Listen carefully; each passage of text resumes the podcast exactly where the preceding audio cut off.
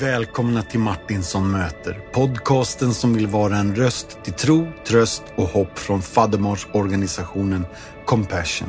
Det är jag som är Martinsson och idag ska ni få möta Lena Junholm. Hon växte upp på en bondgård i Dalsland med kossor och hästen Snövit vid vägens ände långt ute i skogen. Hon mötte Gud med ett brak, flyttade till Örebro, pluggade socionomutbildning och sen blev det bibelskola i Göteborg där varje lunch innehöll crème fraîche, avokado och ishavsrom. Hon har jobbat som kurator på Östra sjukhuset och ser på människor som Guds pärlor. Hon är en fena på att hamna i samtal med nytt folk hela tiden och många av dessa tillfällen är gudomliga mötesplatser där hon får vara med om underbara ingripanden. Lena är gift med Olle och de har barnen Olivia och Johannes och familjens lilla sladdis är hunden Bendito som betyder välsignelse. Lena älskar Les Misérables, somnar alltid när hon ser en film och är dålig på att ljuga. Men i dagens podd får vi höra om ett tillfälle då hon verkligen lyckades med just detta svåra. Hon har nyss skrivit den högt uppskattade boken Det är på riktigt som är utgiven på Marcus förlag och det är en hoppingivande bok som alla borde läsa och sedan ge vidare till nästa behövande medmänniska. Mina damer och herrar, Lena Junholm.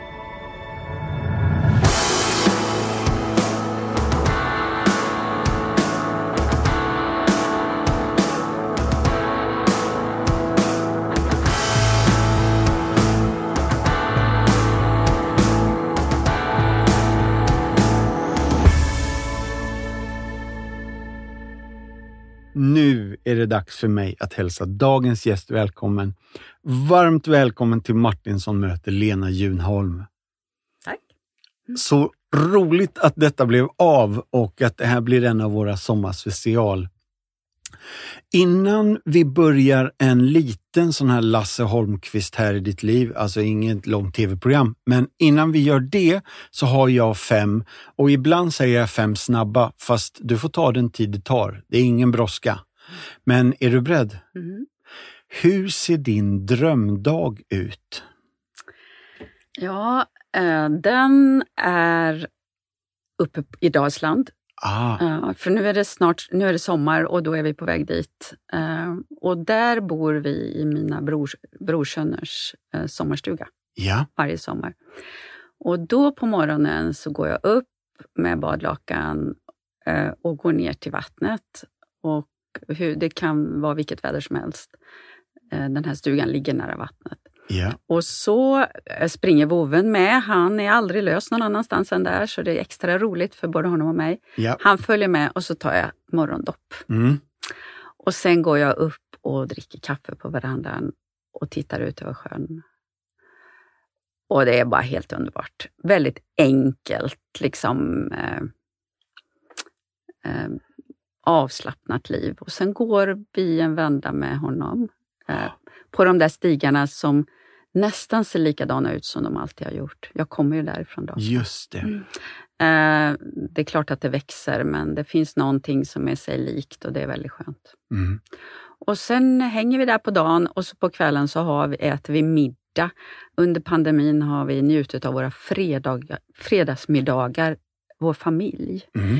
Så en sån har vi där och så får det gärna komma brorsöner och släktingar och så också. Just det. Mm.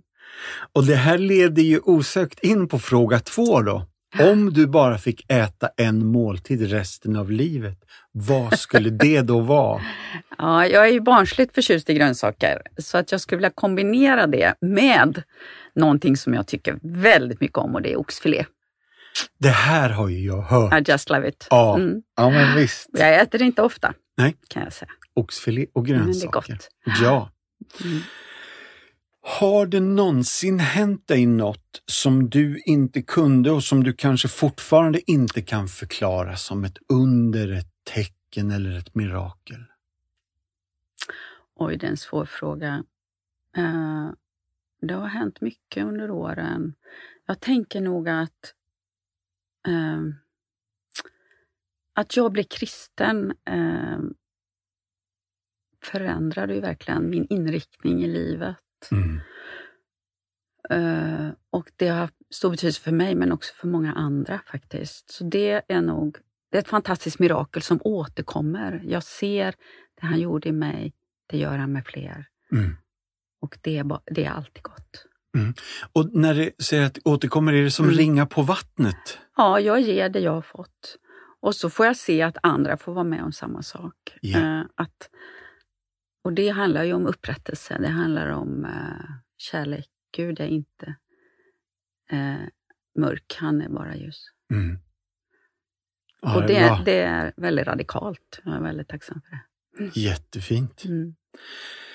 Och eh, nästa fråga, till synes helt banal i förhållande till det vi just sa nu, men eh, vilken är din mest använda emoji? Ja, det är nog eh, hjärtat är ju väldigt välanvänt. Ja, Eh, sen kommer ju det här bönetecknet faktiskt. just det, praying hands. Ja, det är, nog, Ja. det är nog de två. Mm. Mm. Men du, när du skickar hjärtan då, Mm. vilken färg är det på dem? Mm. Det, är inte, inte alltid rött. Det beror nog, beror nog lite på vad, vad innehållet är för övrigt. Ja. Ibland kan det vara andra färger också. Ja, Mm. ja. Men är du frikostlig med hjärtan till många? Det är jag nog. Ah, mysigt. Jag är, jag är nämligen lite nervös att skicka hjärtan till folk sådär. Mhm. Jag är, blir nervös att de ska övertolkas. Ja. Så om jag vågar skicka hjärtan så blir de alltid lila. Jaha, Ja. okej. Mm. Mm. Sista frågan nu då Lena. Om du kunde dela en lång trerätters middag med fyra individer, nu Mm. levande eller sedan länge döda, vilka skulle du då välja? Ska jag förklara varför jag väljer dem? Ja, gärna. Mm. Då börjar jag med Jan Eliasson. Oj! Ja, alltså jag, jag tänker mycket på vilka ledare vi behöver. Ja, Och det är ledare med hjärta. Och för flera år sedan så spelade Olle på ett ställe där Jan Eliasson höll ett tal på Mm. nationaldagen. Och då pratade han om när han var i Sudan och såg nöden och hur hans hjärta fylldes med compassion. Det ja. var där det började någonting i honom. Eh, Så han för mig är en sann ledare. Jag skulle vilja se många av den sorten. Så han eh, skulle jag gärna ha med. Åh, vilket coolt första val! Ja, Mm. sen skulle jag vilja ha Corrie Ten Boom. Ja, eh, som ju inte lever längre och som hon och hennes familj gömde ju judar under andra världskriget och så hamnar de ju i, i koncentrationsläger. Ja, och visst. familjen, att pappan och systern dog och Corrie överlevde. Mm. Och hur hon reste världen över eh, och berättade om eh, både försoning, och, eh, som är en väldigt viktig del i det hon hade varit med om, och om, eh, om Jesus. Ja. Eh, fantastisk kvinna som luffade runt hela livet tills hon blev gammal. ja verkligen. Mm. Mm. Eh, sen skulle jag vilja bjuda en kvinna som heter Char Sundin. Charles Sundin. Ja, och hon Ja. bor i Arizona. Ja. Och min mormors bröder, alla eh, gav sig av till USA eh, i början på 1900-talet. Mm. Eh, och, en, och, och vi har en låda med gamla brev som de har skickat hem eh, till sin mamma och sina systrar Mm. som var kvar i Sverige. Och de är fantastiska de här breven, otroligt mycket värme. Och det finns en bror eh, där som jag nästan har känt mig igen, igen mig lite i. Och ett av hans brev som han skickade till sin mamma och sina systrar har jag skannat till en tavla. Mm. Och sen, min bror har eh, släktforskat och en dag så får han nys om att det, det finns en dotter i Arizona till den här som fortfarande lever. Ja. Alla andra i den generationen är ju döda. Och så går vi in, Johannes går in på Facebook, det var jul och eh, och så visar han vår bild, skickar ett messenger och så på annan dagen så får jag ett meddelande från henne. Denna dotter eh, som nu är 80. Och jag berättar för henne att bredvid mig där i sovrummet, det är sent, så, så har jag tavla, en tavla på hennes pappas brev. Ja. Och det är märkligt, vi är systrar fast vi aldrig har setts. Och de skulle kommit, hon och hennes eh, släkt, några, skulle kommit till Sverige förra året. Ja. Eh, Men pandemin kom. Mm. Och jag skulle önska henne att få komma till Sverige och jag skulle gärna vilja att hon var med på middagen. Ah, vilken, Mm. vilken otroligt spännande berättelse Mm. också. Eh, och sen skulle jag vilja ha Olle med, min man, och att Mm. han tog med sig gitarren. Eh, han får gärna vara med och äta förstås. Ja. Men sen händer det något när han spelar som jag tror att gemenskapen skulle må ännu bättre av när Ja. vi sitter där. Oxfilé och grönsaker. Ugnsbakade. Ja. Ah. Mm. Och riktigt fint, vilken härlig kvartett alltså. Mm. Jättespännande. Mm. Nu då Lena, 9 januari 1958, Anna-Lena Patriksson. Ja. Är det så? Ja, det är så. Det är så. Mm. Och du har redan touchat vid det, men det är bondgård i Dalsland va? Japp. Ja. Mm. Det är kossor och hästar. Mm. Är det Vänerns strand? Eh, den här stugan jag pratade om förut över Vänerstrand, det här är ungefär en och en halv kilometer eh, från Vänern. Eh, men det är ju på riktiga landet där vägen Ja. tar slut. Ja. ja, det var det nästa jag skulle Ja. säga, vid vägs Ja. ände. Ja. Mm. Det är så? Ja. Och du, är, hur många, har du syskon? ja, en storebror Mm, som är drygt tre år äldre just det. och som har gården som är kvar där. Just det. Mm. Så du är väl liksom på fädernerv där, där och... Ja, vad mysigt. Mm. Eh, hästen Snövit, Ja, är det så? ja, det var min kompis. Ja. Mm, Henne red jag med och umgicks med varje dag. ja. Mm. ja, jag hörde att du nästan luktade häst. Det måste jag ju ha gjort. Ja. Jag hade jättelångt hår Ja, och eh, jag måste ha luktat häst extremt för jag tror inte att jag tvättade håret varje dag när jag gick till skolan. är supermysigt. Och ni Ja. var jägare och bönder va? Ja. I, i Ja, familjesläkten? det är bara liksom. jag som inte är jägare, alla andra. Det är så. Mm. Finns det också en, en katt som får husera i en dockkärra med Ja. barnkläder? Ja, just det. Vi hade en helt ljuvlig röd storhankatt som hette Murre. Och honom tog jag på dockkläder och så stoppade jag ner honom och la på täcket ja! och körde. Och eh, hade sån här eh, bebismössa på också. Så ibland glömde jag honom. Så när mamma upptäckte honom där, då fick hon liksom klä av honom först innan han Nej, men fick släppa ut hur honom. ställde han upp på det Ah, här? han var helt ljuvlig. Ja, Mm, underbart! Han bara gillade läget. Vilken generositet alltså. Ja. Ja. Du, ehm, jag, vi, vi var ju på en, en eh, studentfest för några Mm. veckor sedan, Mm. du och jag. Och Mm. då bara snuddade du vid att någonstans, jag tror det var tidiga tonåren, så mötte du Gud på ett läger. Nej, det var inte så tidigare. Jag var 19, precis Ah. på väg att bli 20. Yes. Mm. Kan inte du ta med oss dit? Jo, ehm, jag hade flyttat 30 mil bort. Eh, mina föräldrar var ju troende. Vi hade aldrig pratat om tron hemma, eh, men den var självklar. Mm. Så det, det fanns en god atmosfär och grund och så. Eh, Men jag var ju verkligen en sökare och jag funderade mycket på när jag hade flyttat. Hur ska jag göra med det där? Ska jag ehm, fortsätta och, och bli en kristen eller ska jag göra något annat då? när det gäller de frågorna? Mm. Eh, Jag, jag var... eh, Jag har alltid känt att det måste vara på riktigt. Det kan inte vara någon... Jag är inte nöjd bara. Jag är inte nöjd med att sitta i kyrkan, eh, även om det är bra. Men jag vill något mer. Alltså jag var, jag var en sökare verkligen. Mm. Och så hamnade jag och min kompis Ami på ett läger som visade sig vara evangelisationsläger. Och det finns ju många som inte vet vad det är. Men tanken var att man skulle eh, ha ett tonårsläger med mycket roliga saker och sen så skulle vi gå ut och berätta om vem Jesus var. Och det fick mig att få panik eh, faktiskt. Ja, det- För att jag hade ingenting att säga om honom. Nej. Och vi hade med oss varsin roman och la oss där på våra liggunderlag i, i den här stora gympasalen och, och kände oss som, jag kände mig som ett ufo. Mm. Eh, men sen såg jag några som stod och sjöng eh, och det gjorde, det gjorde ett intryck på mig. Jag såg en kväll när de stod och sjöng att det lyste om dem. Mm. Eh, och eh, jag kände att det där vill jag ha. Men det var någonting som, det där är inte för dig. Du kommer aldrig att... Ja, det var en märklig mix och jag, tyckte inte, jag visste inte heller om jag ville ingå i... Att, ja, jag var delad Ja. i detta. Eh, sen kom det en man som hette Kjell Sjöberg som jag inte hade någon aning om vem han var. Eh, alla applåderade och jag var lite så här, vad applåderar de åt? Och så började han berätta om hur det var tonåring och relation till föräldrar och alltså det som livet var och är nu. Mm. Eh, och jag blev jätteimponerad. Och då, då fick han mig att förstå att Gud var intresserad av livet när man är i den åldern och vad, vilka frågor man har. Mm. Så jag blev väldigt... eh, Jag, jag gick fram efteråt och tackade honom för jag tyckte det var så fint det han berättade och det Mm. han sa. Och då frågade han vem jag var. Mm, Och så sa jag lite grann kring det. Och så sa han så här, får jag be för dig?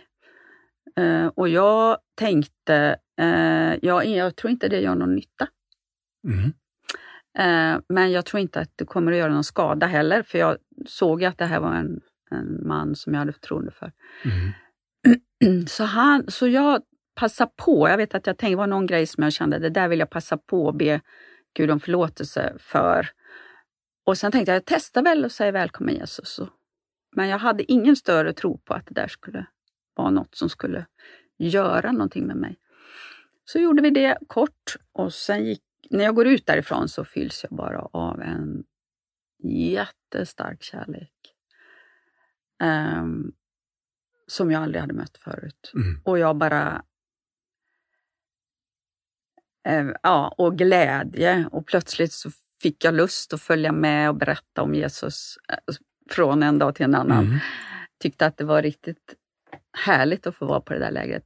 Ehm, och då, då tänkte jag på en gammal sång som jag hade hört tidigare. Och, som jag, och det var så här. Vad jag än gör, vad jag än tar mig för, ska jag aldrig släppa taget. Jag ska aldrig lämna det här. Mm. Och då blev jag 20 strax efter. Just det. Mm. Ingmar Johanssons Mm. låt. Mm. Oj, hade du börjat på socionomutbildningen i Örebro här? Eller? Nej. Nej? Utan jag var på väg till Göteborg men följde med. Nej, jag hade, jag hade varit på väg, förlåt, till Göteborg, men hade följt med Ami till Örebro.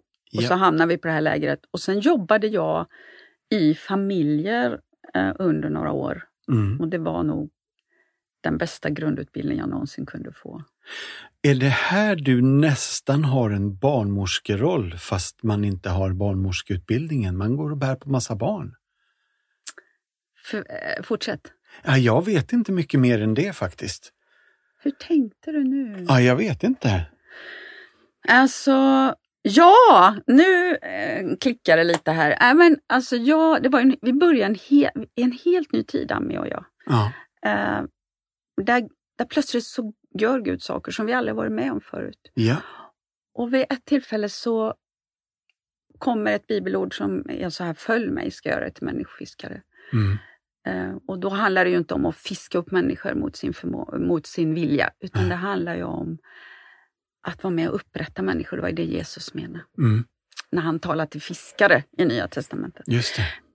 Och det där ordet, det liksom gick jag och bar märkligt inom mig på ett sätt, jag hade ju aldrig varit med om det. Mm. Och det kom morgnarna och kvällarna och öppnade Bibeln så kom jag till de här bibelställena. Mm.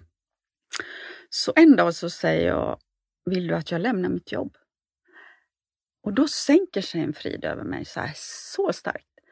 Så jag säger upp mig Mm. från mitt jobb. Som jag, jag jobbar med hörselskadade ungdomar då. Och min chef undrade vad jag skulle göra och det var ju lite svårt att förklara. Japp. Ja. Ja, så, och sen blev det eh, att jag började jobba i familjer. Mm. Japp. Mm. Kommunens jobb. Just det. Mm. Jag tror att det nästan blev 11 år i Örebro. Ja, Och när blev det sen då i Göteborg? 89. Var det så? Mm. Japp. Mm. Eh, och då hamnade du på bibelskola ute i förorten. Ja, och det var ju väldigt kort. Alltså, Ja, det var deltid. Alltså, vi hade några vänner som sa flytta till Göteborg. Och det kändes som tiden i Örebro var över. Så då gick jag halvtid och så jobbade jag på ett företag på halvtid. Företagskataloger Ja. sålde ni. Ja. ja. Man skulle sälja annonser och det var ju liksom inte riktigt min grej. Nej. Eh, men när jag ringde de här företagen och jag vet att det var någon som sa tack för pratstunden. Ja. men jag sålde inte särskilt mycket. Nej. Nej. Och till lunch käkar ni crème fraîche, avokado avokado. och ishavsrom. Alltså, nu har du koll. Ja, vi sprang, Ja. jag och Jeanette, vi sprang eh, mellan, alltså till bussar med våra avokados. Ja. Och så, För att hinna från för att bibelskolan hinna från- till jobbet. Ja, exakt. Japp. Och det var ju en bit att åka faktiskt. underbart. Mm. Och det är den här vevan som du träffar Olle också. Nej, jag hade träffat honom tidigare. Aha, Mm, långt tidigare, men Japp. då började vi umgås igen. Ja, Mm. just det. Och han gick på Musikhögskolan och var en riktig musiker-musiker. Mm. Japp. Precis. Då har jag mycket framför mig, men jag måste säga, ni gifter er 1992. Mm. Just det. Mm. Eh, I det, någonstans i det här läget så tror jag också att, att det blir eh, nervsjukdomen kommer in. Ja, alltså jag blev väldigt trött och eh, fick då så småningom kontakt med neurolog. Jag hade jobbat mycket, jag, jag gick ju Socialhögskolan i Örebro Mm. senare och Mm. så jobbade jag som kurator på sjukhuset. Mm. Så jag hade jobbat mycket, jobbat mycket med barn och döden Mm. eh, som jag tror tar mer än man tror. Eh, eh, trivdes väldigt bra med det. Eh, men sen upptäcktes det att vi har en, en ärftlig sjuka, neurologisk. Just det. Eh, och jag hade alltså en extremt låg B12-brist som neurologen tror att man gav mig en, en centralneurologisk skada. Så Mm. att jag är tröttare än andra kan man säga. Ja, Mm. Och har inte fått tillbaks min grundkraft sedan dess. nej. Även om jag är bättre än när jag var som sämst. Absolut. Mm. Och detta är ju 30 år sedan. Mm. Mm. Mm.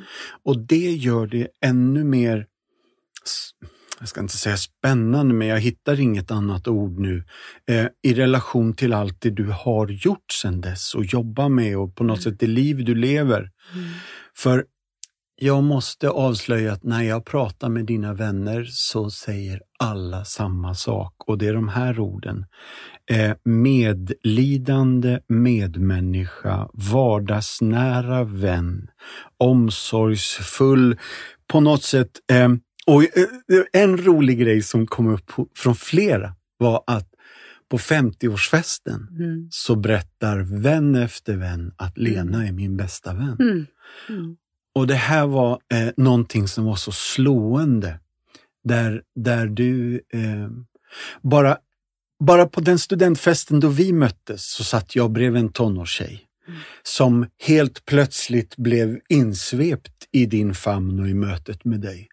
Så när jag sen hör henne reflektera kring vad det betydde för henne så förstår jag att det här är en osedvanlig gåva och förmåga och en ett, ett kall som, som vilar över dig och din person.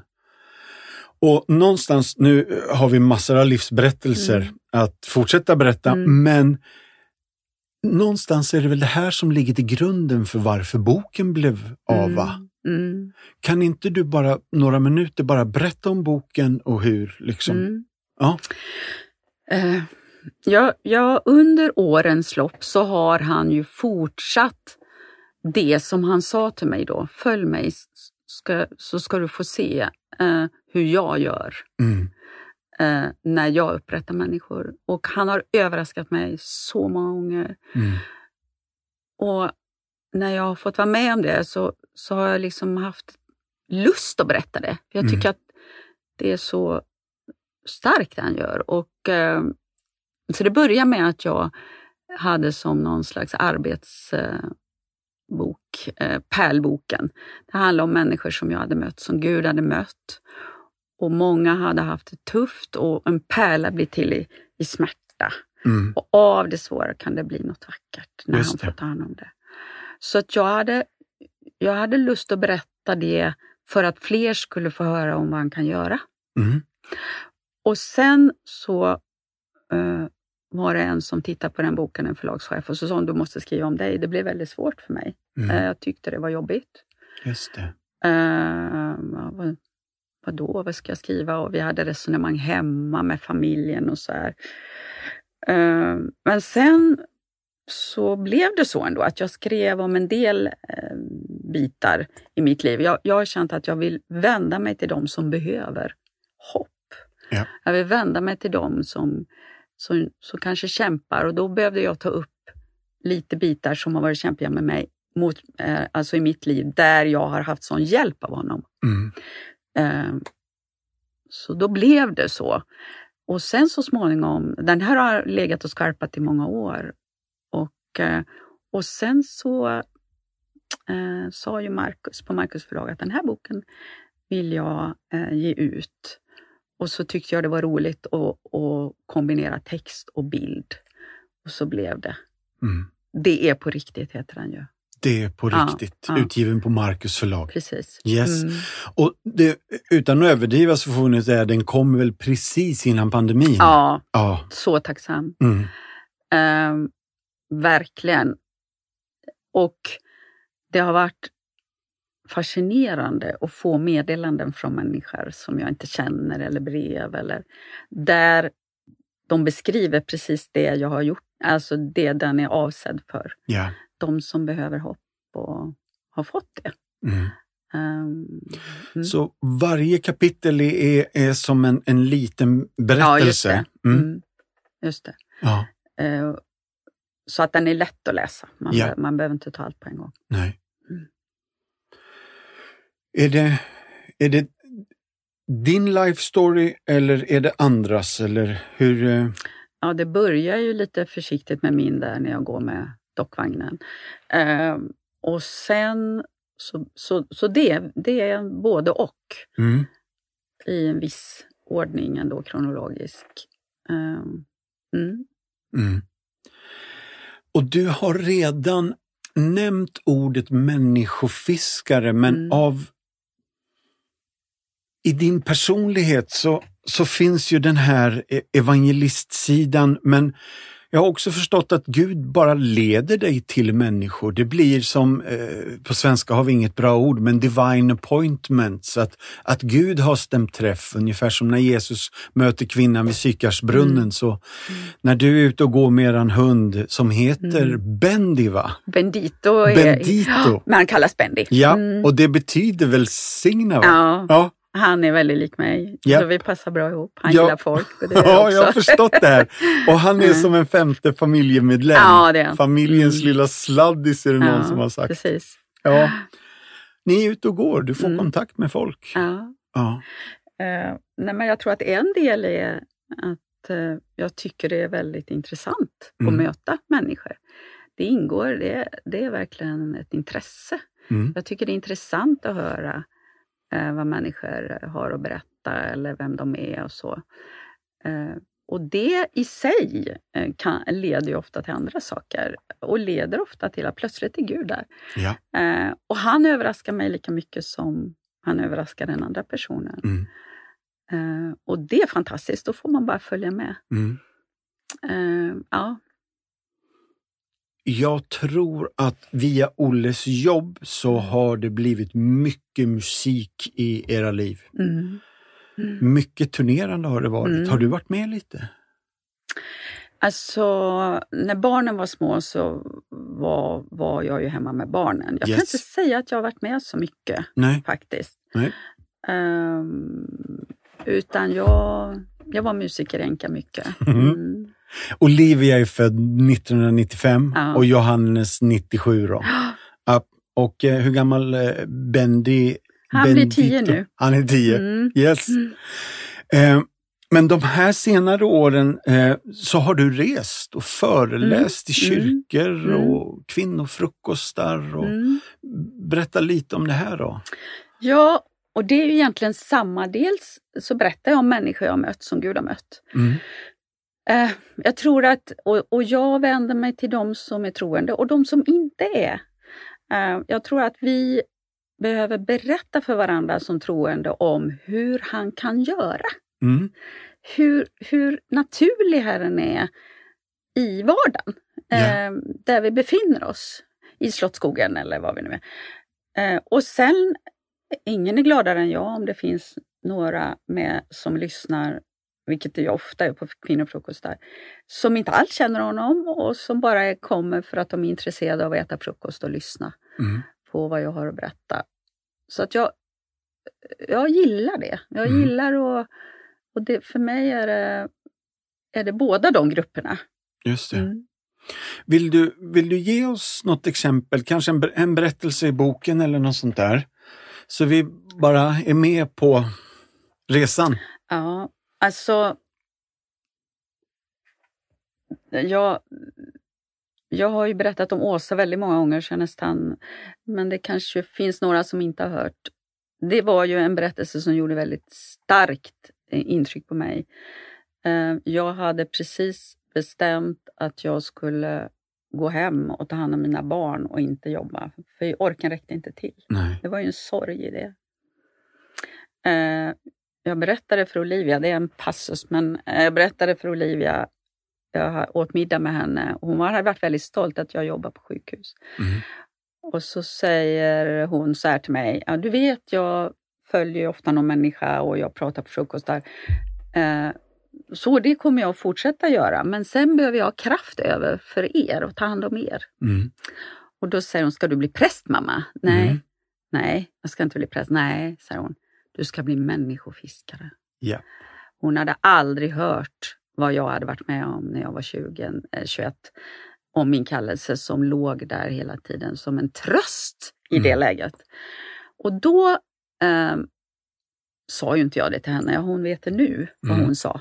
Men, och då var det som om Gud sa, kom nu Lena så fortsätter vi. Ja. Och just då hade, vi, hade jag kontakt med en granne som vi var goda vänner, hade pratat i många år på gatan.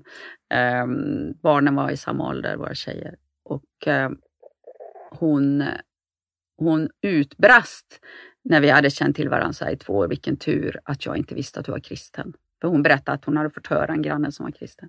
Och då sa jag att jag också det var, var det och då sa hon, jag hade aldrig velat ha med dig att göra. Aha. Och jag har väldigt lätt att rekommendera eh, tron. Mm. Så för mig var det väldigt ovanligt att vi inte hade kommit in på det, men det var ju helt rätt. Mm. Och sen så småningom, och sen blev det att vi diskuterade tro och, och sådär och, och det hände saker som det gör i livet. Men så småningom blev hon sjuk, Mm. eh, allvarligt sjuk. Och eh, då slutade vi att diskutera Jesus. Och så tog hon emot honom. Och Ja. under den här perioden där jag hade fått ge upp mitt jobb igen, var trött och, och, och hon var väldigt, väldigt sjuk. Och så säger hon, lova att, att du följer mig hela vägen. Mm. Och jag eh, säger, ja, vi får be om kraft. Och varje gång vi möttes så var det förbön hon ville ha. Alltså vi pratade förstås jättemycket Mm. eh, om hur livet såg ut just då. Och sen så ville hon att vi skulle be.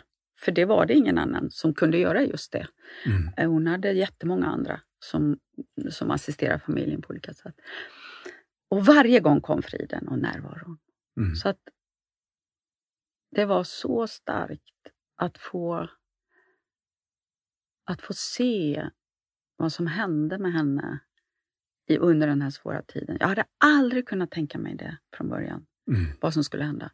Och när hon eh, hade, för hon dog, eh, sorgligt nog, Mm. och, och hennes man bad att jag skulle prata på minnesstunden. Det blev en jättekonflikt för mig. Mm. Jag visste att det var rätt, men jag hade svårt att prata om en god Gud Mm. eh, när hon hade dött 51 år gammal. Jag hade svårt att inte prata om honom, för hon berättade för alla, Just det. eh, var hon än var, eh, om den frid hon fick ta emot. Mm. Så eh, jag hade väldigt, väldigt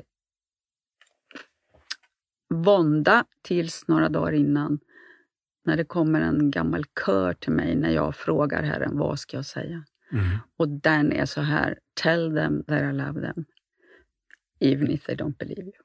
Mm. Och då var det löst. Mm.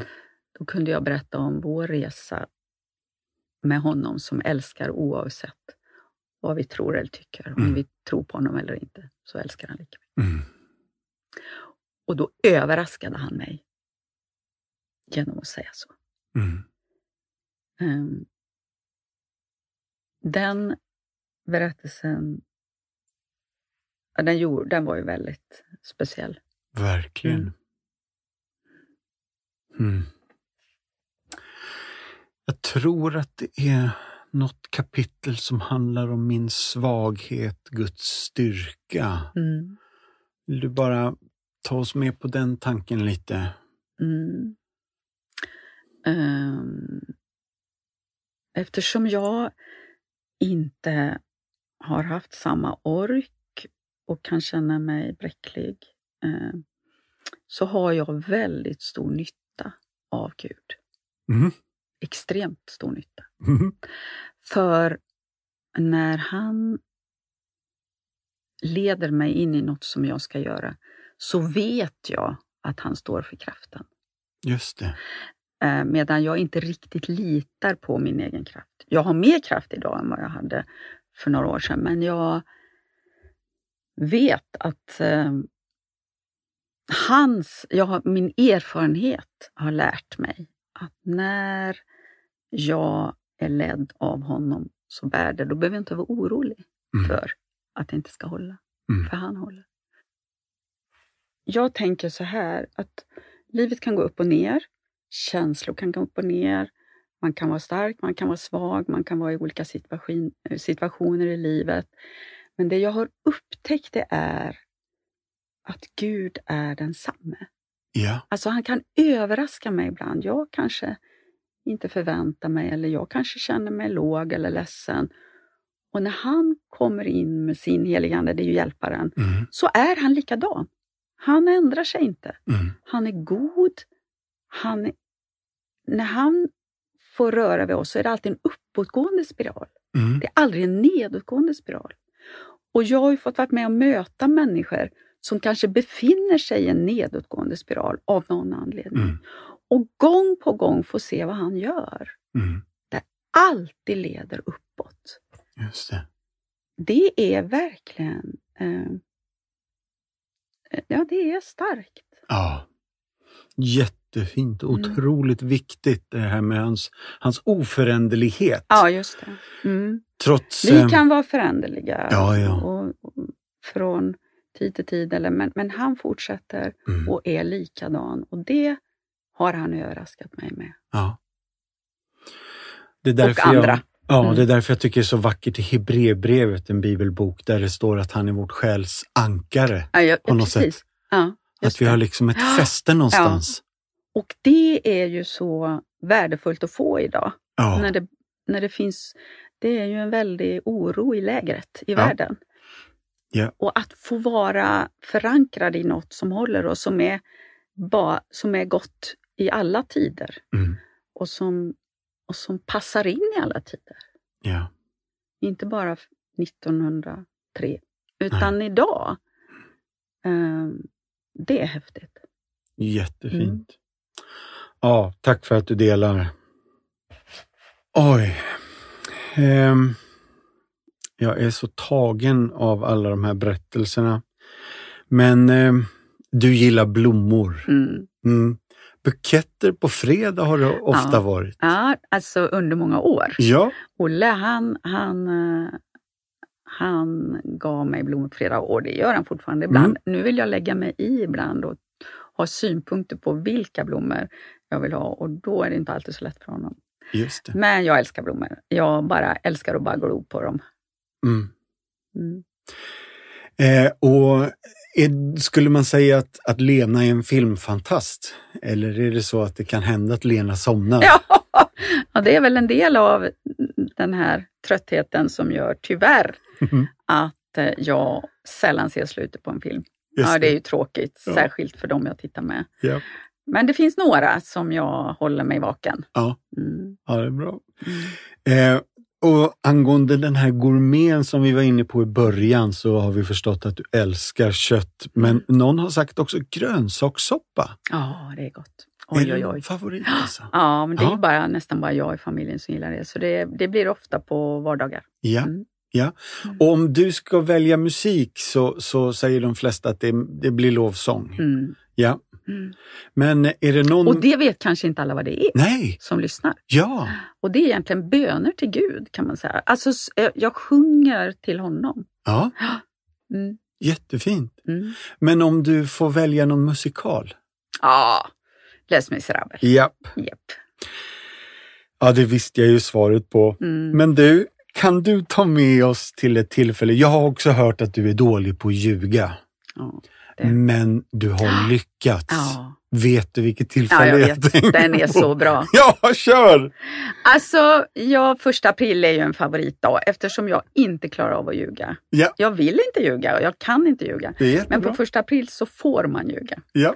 Och då var det för några år sedan, Olle var på MTV och spelade in någon, någon program, tv-program med Pernilla Wahlgren och liksom gänget där.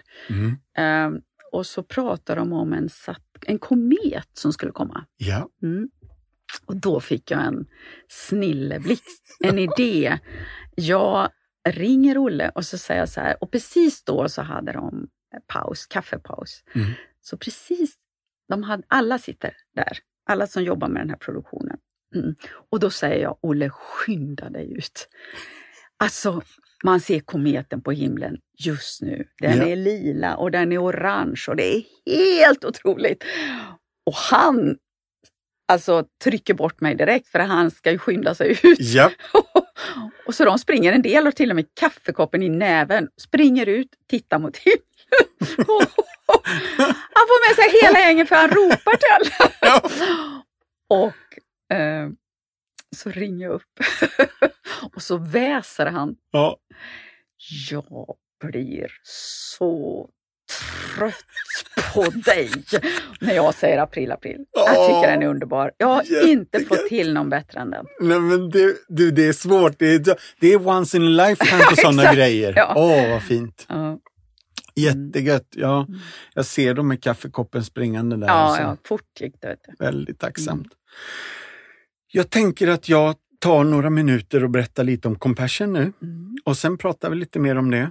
Och när jag har pratat klart så får du prata hur mycket du vill om detta igen. Men Mm. eh, här kommer en berättelse från fält nu då.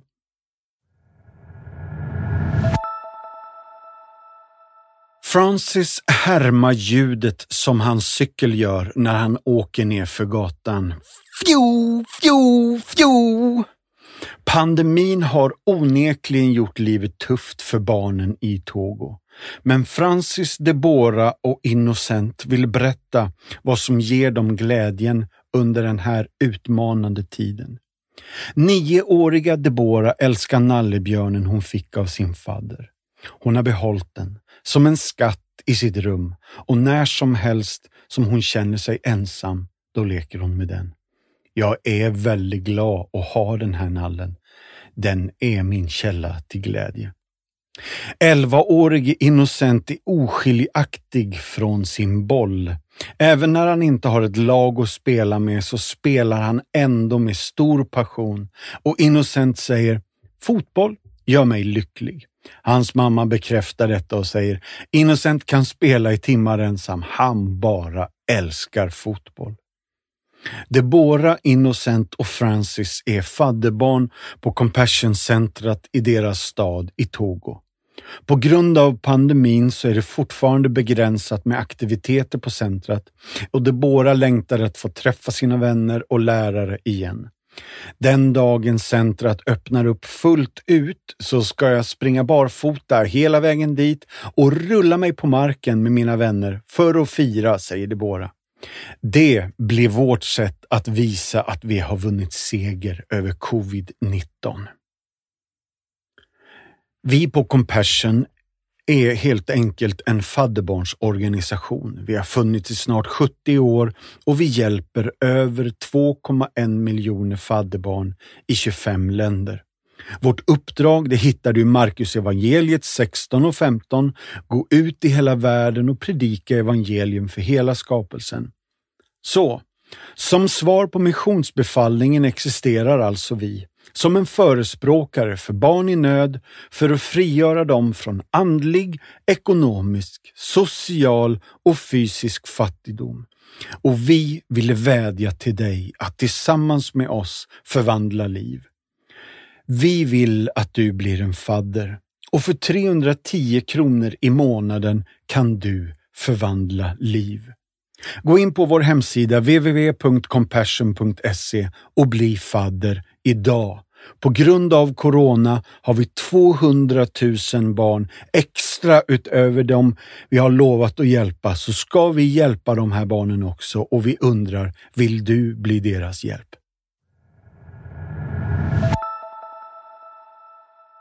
Nu då? Nu är jag klar Lena och jag vet Mm. att du känner till det här. Mm. Kan inte du berätta lite? Jo, eh, Olle och Johannes var och spelade på en konsert där det fanns en person som pratade om compassion. Ja. Eh, och efter en tid så ringer Johannes till mig och säger mamma, nu har jag bestämt mig, nu ska jag ta ett barn. Mm. Eh, så han har en kille, Ja. Olivia har en kille och vi, Olle och jag, har en kille. Mm. Eh, och har haft under några år. Då. Ja.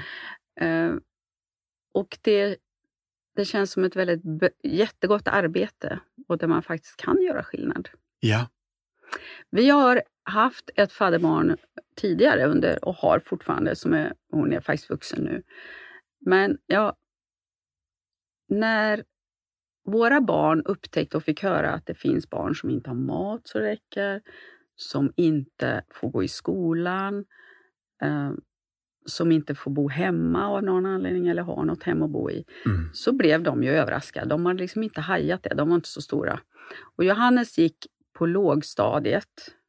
Och så kommer han hem en dag och så berättar han, för då bestämde vi oss för att ta en flicka från ett barnhem som vi hade hört berättas om. Ja. Och då kommer han hem och så säger han så här, mamma, jag frågar fröken om jag fick berätta för klasskompisarna om att man faktiskt kan betala en summa varje månad för att hjälpa ett barn med mat och sådär. Mm. Och jag- han hade väldigt svårt för att stå inför klassen och prata. Mm. Det, det visste jag. Mm. Men han tyckte det här var så viktigt så att han frågade om han och så berättade han det här inför klassen. Och så, jag vet att det kom en klasskompis direkt och sa det här vill, vill, vill jag också att vi gör hemma hos oss. Och så kom han hem till mig och sa så här, mamma, vad spelar lite pinsamheter för roll om man kan förändra ett liv? Åh, hjärtat, vad bra. Alltså den är så bra, eh, för det fick kosta något. Ja. Och det kan man ju fundera över ibland. Mm. Eh, hur mycket kostar det oss? Mm. Mm. Så hela familjen har chippat in och blivit Mm. faddrar. Mm. Alla höll på att säga på varsitt håll och tillsammans. Ja. Ja, vi har ju stora tjejen har vi haft tillsammans. Hon, hon, det är ju på väg att avslutas nu. Men Ja. vi har tre killar. ja. Mm. Är de i olika världsdelar? De är i Togo, Aha! mm. i det där lilla landet. Ja, men du. Mm. Ah, vad häftigt. Och det, det var speciellt det här med att de faktiskt får hjälp under pandemin. Som är, det är så viktigt att, att det här barnet får mat, får det det behöver, även om det är pandemi. Ja. Mm. Ja, men du. Och vad, vad härligt att det var den berättelsen jag läste idag också. Då. Mm. Eh, vi på Compassion tänker ju att det här är ju ett av de tydligaste sätten att bekämpa fattigdom på. Mm. Eh, vi önskar ju helt enkelt att hela, hela världen skulle förstå det här. Mm. Men det är, det är inte helt enkelt att ta det från, från ax till limpa på något sätt. Eh, hur kommer det sig att ni kom igång? Var det Olle och Johannes eller hur? När det gäller Compassion så var det ju faktiskt de som fick informationen Ja. eh, först. Eh, och sen fick vi, vi andra det också. Ja. Så information är ju väldigt viktig. ja. Ehm, och då kändes det, natur ja, det var naturligt. ja. För jag, det känns också värdefullt att alla de här bitarna, kropp och själ och ande, finns med. Alltså man pratar om det materiella som man faktiskt behöver. Man behöver mat för att leva. Ja. Men man behöver det andra också. ja. Mm. När eh, några stora amerikanska företagare beslöt sig för att vi vill vara med och supporta Compassion, Mhm. eh, slutet av 90-talet, så säger de om ni bara slopar det här med namnet Jesus. Jaha. Ja. Hmm. Och då hade ledningen huvudbry länge. Mm. Det här är ju liksom grunden vi står på. Mm. Är liksom namnet vi gör det här i. Mm. Så um, de beslöt att inte bara heta Compassion utan vi befriar barn från fattigdom just i Jesu namn. Mm. Och det har varit, sedan dess så är utvecklingen från 400 000 fadderbarn till 2,1 miljoner. Mhm. på 20 år. Mm. Mm. Så det gör det lite extra Mm. tydligt. Men du Lena, det här var otroligt spännande. Är det något mer du tänker på? Jag tänker när vi pratar om det här nu, eh, om, om du lyssnar som undrar varför ska Jesus vara med? Mm.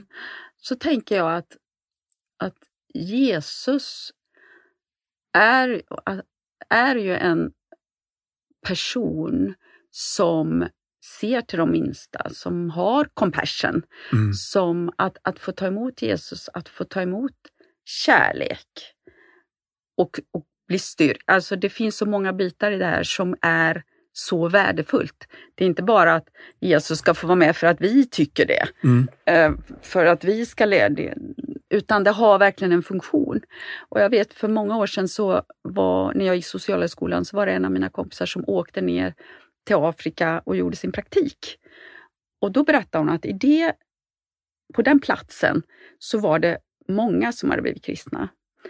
Och det hade påverkat samhället. Att plötsligt så, ehm, att det var så många effekter av det. Man lurades inte, nu menar jag inte att alla andra luras, men Nej. det fanns många bitar som påverkade hela kulturen. Att behandla andra som man själv vill behandlad. Att, och att, att, att det finns en kraft i evangeliet Mm. att resa människor upp. Att, att styrka, att, att göra nytt där det är kört och sådär. Mm. Så att det, det är ju en sån eh, resurs verkligen. Ja. Ja. Ja, Mm. otroligt fint. Snälla Lena för den du är. Det du gör och det du förmedlar till oss av hopp och tro och tröst i läkedom. Tack att du låter ditt liv bli en spegel för oss. Där vi ser Guds godhet och hopp i din livsresa och din berättelse. Tack också för att du tog dig mod till att skriva den viktiga boken som vi alla behöver läsa i sommar. Tack snälla. Slut för idag och tack för idag allihopa. Vill du veta mer om det som har pratats om i podden så har vi något på vår hemsida som heter Show Notes. Där kan du se alla länkar till sånt vi pratar om när vi refererar till en film eller en bok eller en sång. Då finns de länkarna där, så gå in på compassion.se så hittar du helt enkelt massa extra material. Tack, ha det bra, bye bye, hej då!